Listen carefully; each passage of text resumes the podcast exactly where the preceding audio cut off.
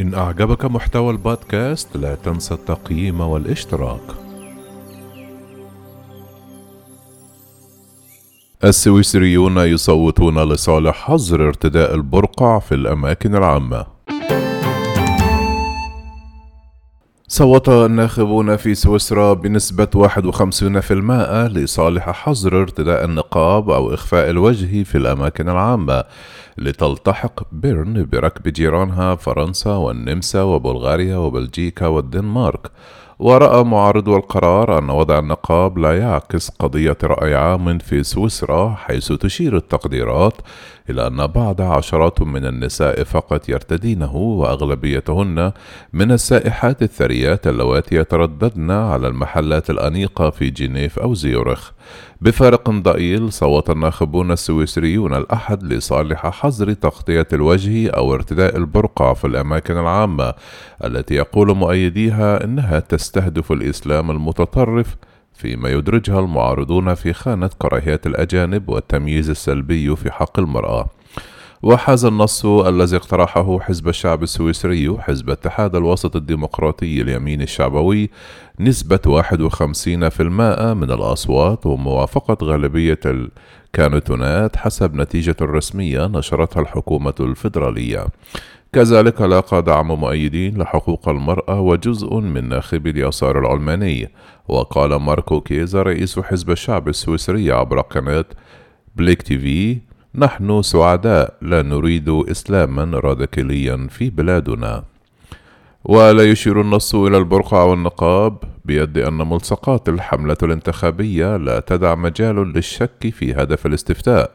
وتنضم سويسرا بهذا الاستفتاء إلى فرنسا والنمسا وبلغاريا وبلجيكا والدنمارك التي سبقتها في هذا المجال بعد سنوات من الجدل.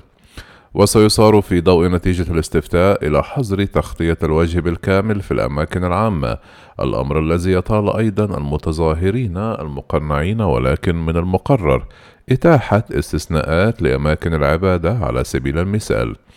كذلك صوت السويسريون لصالح اتفاقية تجارية مع إندونيسيا فيما رفضوا بشكل كبير إقرار هوية رقمية فيدرالية يديرها القطاع الخاص وكانت مريم مسطور العضو في تجمع الأوشحة البنفسجية النسوي الإسلامي رأت في تصريح لقناة آر تي إس الرسمية أن تأييد القرار ينظر بالتقليل من شأن الشعور المعادي للأجانب والعنصرية إزاء المسلمات ورحبت لاحقا بالفارق الضئيل بين تأييد المبادرة ورفضها. ورأى معروض المبادرة أن وضع النقاب لا يعكس قضية رأي عام في سويسرا حيث تشير التقديرات إلى أن بضع عشرات من النساء فقط يرتدينه وغالبا ما يكن ممن اعتنقن الإسلام بحسب مستور وترتديه خصوصا السائحات الثريات اللواتي يترددن على المحلات الأنيقة في جنيف أو زيورخ.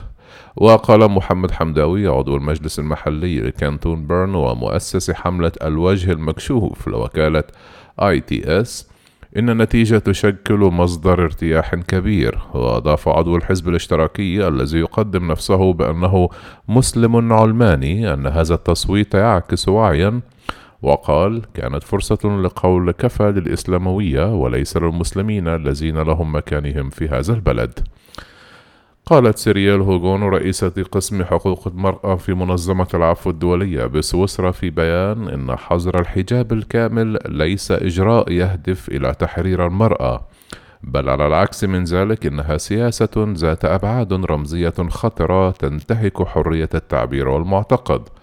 وتشير الأرقام الصادرة عن مكتب الإحصاء لعام 2019 أن نحو 5.5% من سكان سويسرا مسلمون. يتحضر معظمهم من يوغوسلافيا السابقة وكانت الحكومة والبرلمان يعارضان المبادرة